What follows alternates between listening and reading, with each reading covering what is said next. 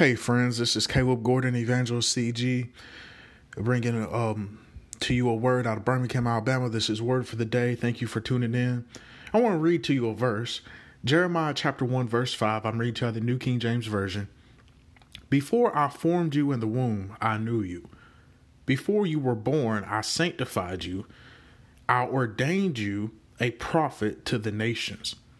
Here it is that God is speaking a word to Jeremiah, telling Jeremiah that he has ordained him, he set him apart, called him to be a prophet to the nations. But the, f- the part that I really wanted to talk about is how he says, Before I formed you in the womb, I knew you. Friends, God has a purpose and a plan for each and every single one of us.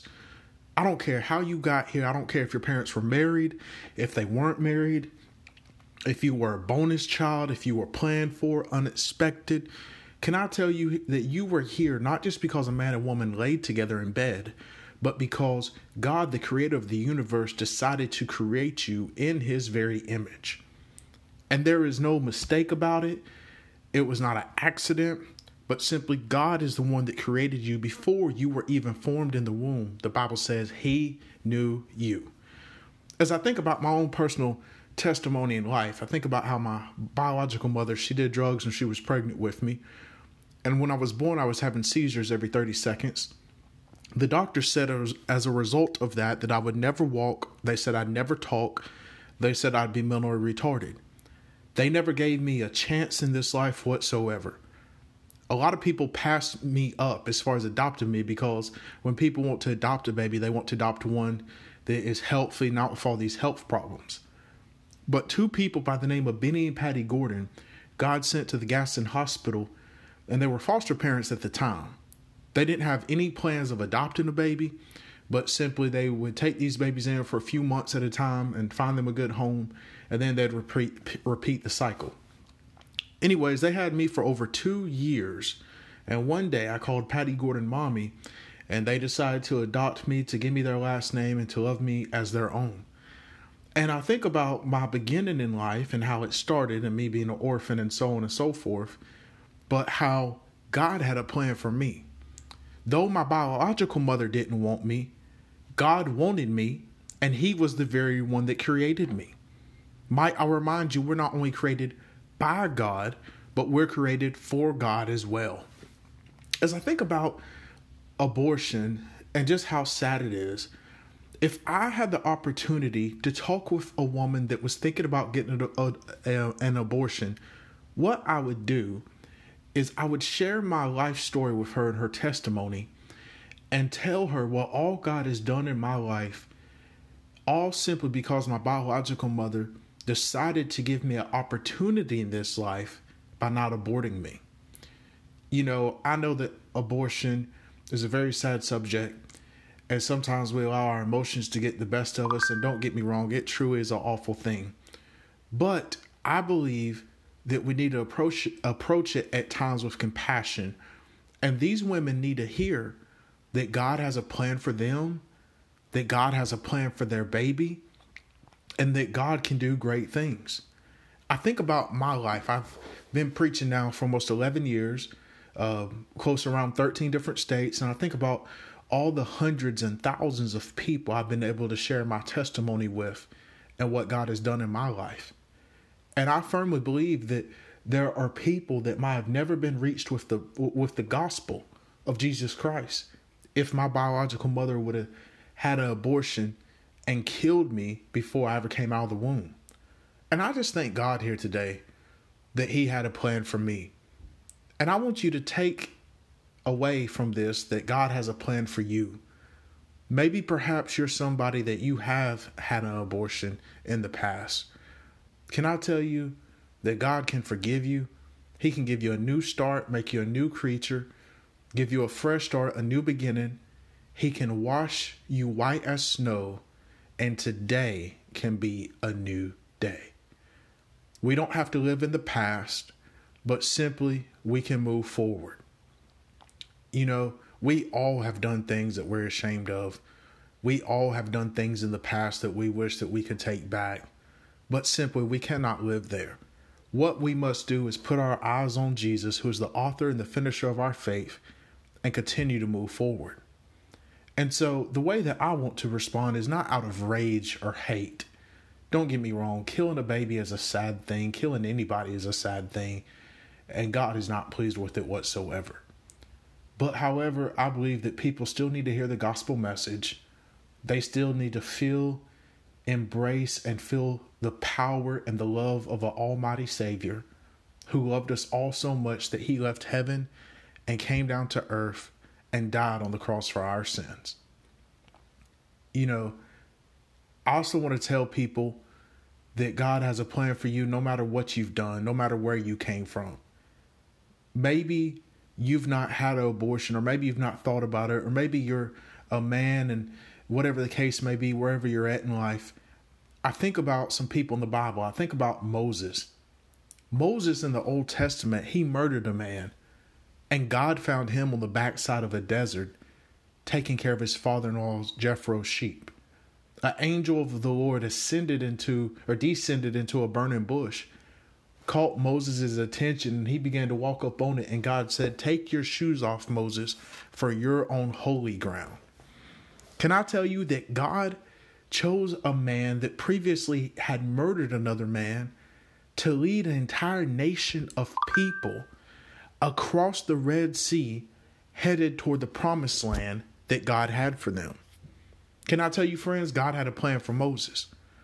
I think about Saul from Tarshish. That man was trying his best to stop the work of Christ and to eradicate the church of Jesus Christ.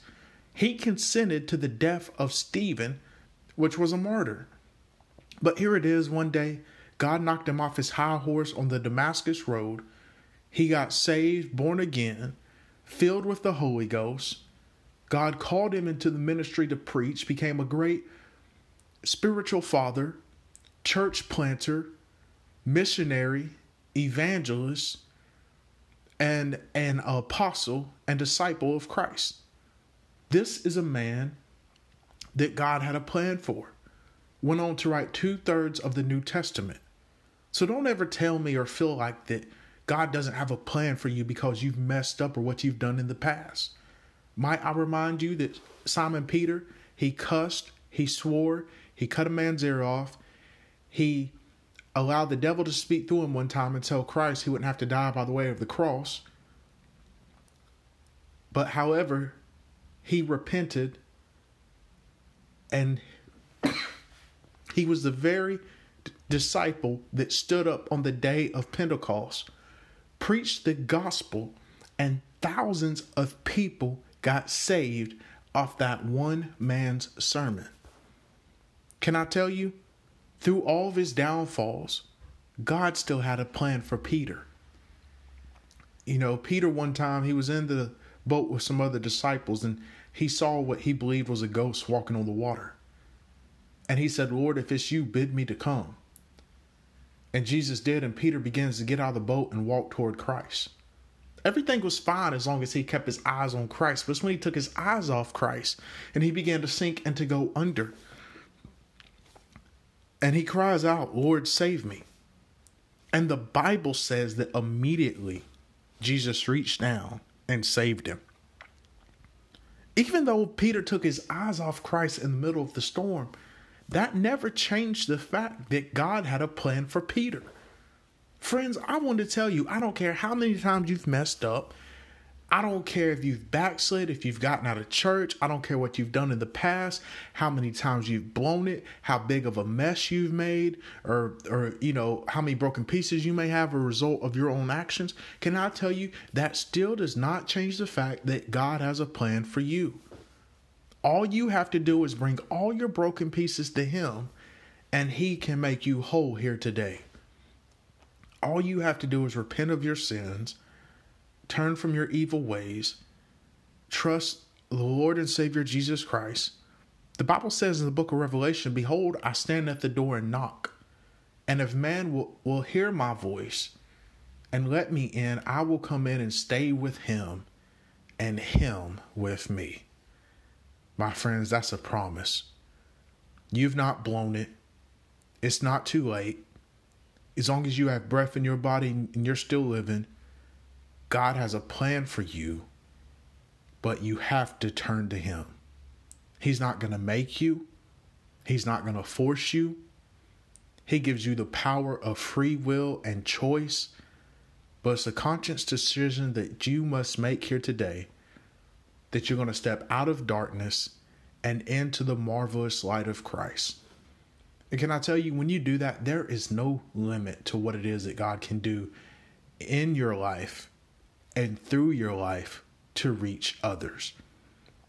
You know, as I think about God having a plan for me, I'm not going to say necessarily that, you know, everything that I've gone through is always God's plan, but I believe that everything is either God ordained or God allowed.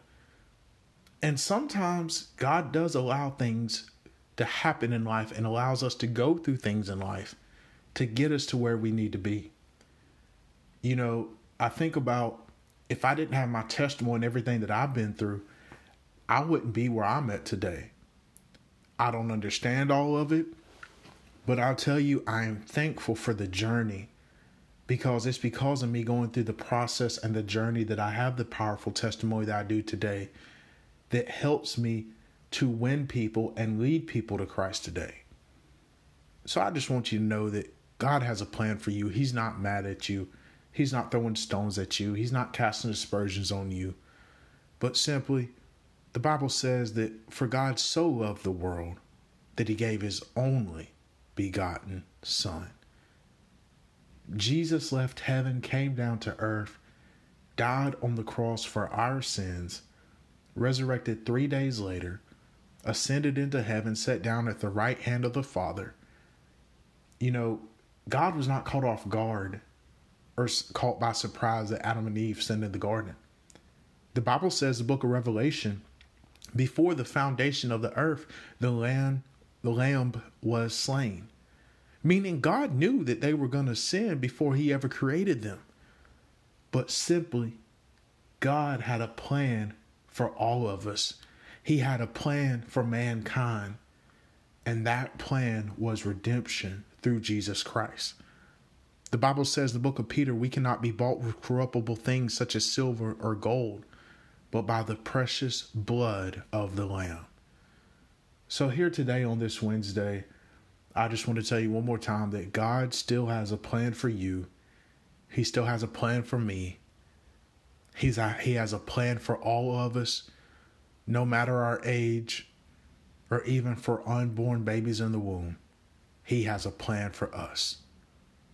But we can't just talk about how abortion is bad and wrong, but simply we must reach out and we must be the hands and the feet of Jesus. A lot of people just want to talk about stuff. I don't know about you, I'm tired of talking about it about different things and I'm exhausted. We've ran our mouths for far too long. And now it's time that we become people of action and we become people of faith and not just believe our faith, but that we express our faith and we show the and we show our faith to others.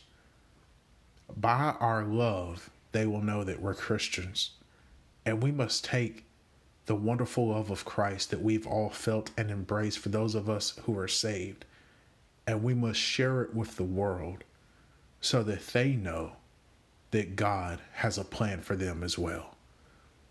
My friends, I hope you have a wonderful Wednesday. I hope you all find a place to go and worship this evening. I'm Caleb Gordon from Birmingham, Alabama. This is your word for today, and I'll be back tomorrow. Love you, friends, and God bless.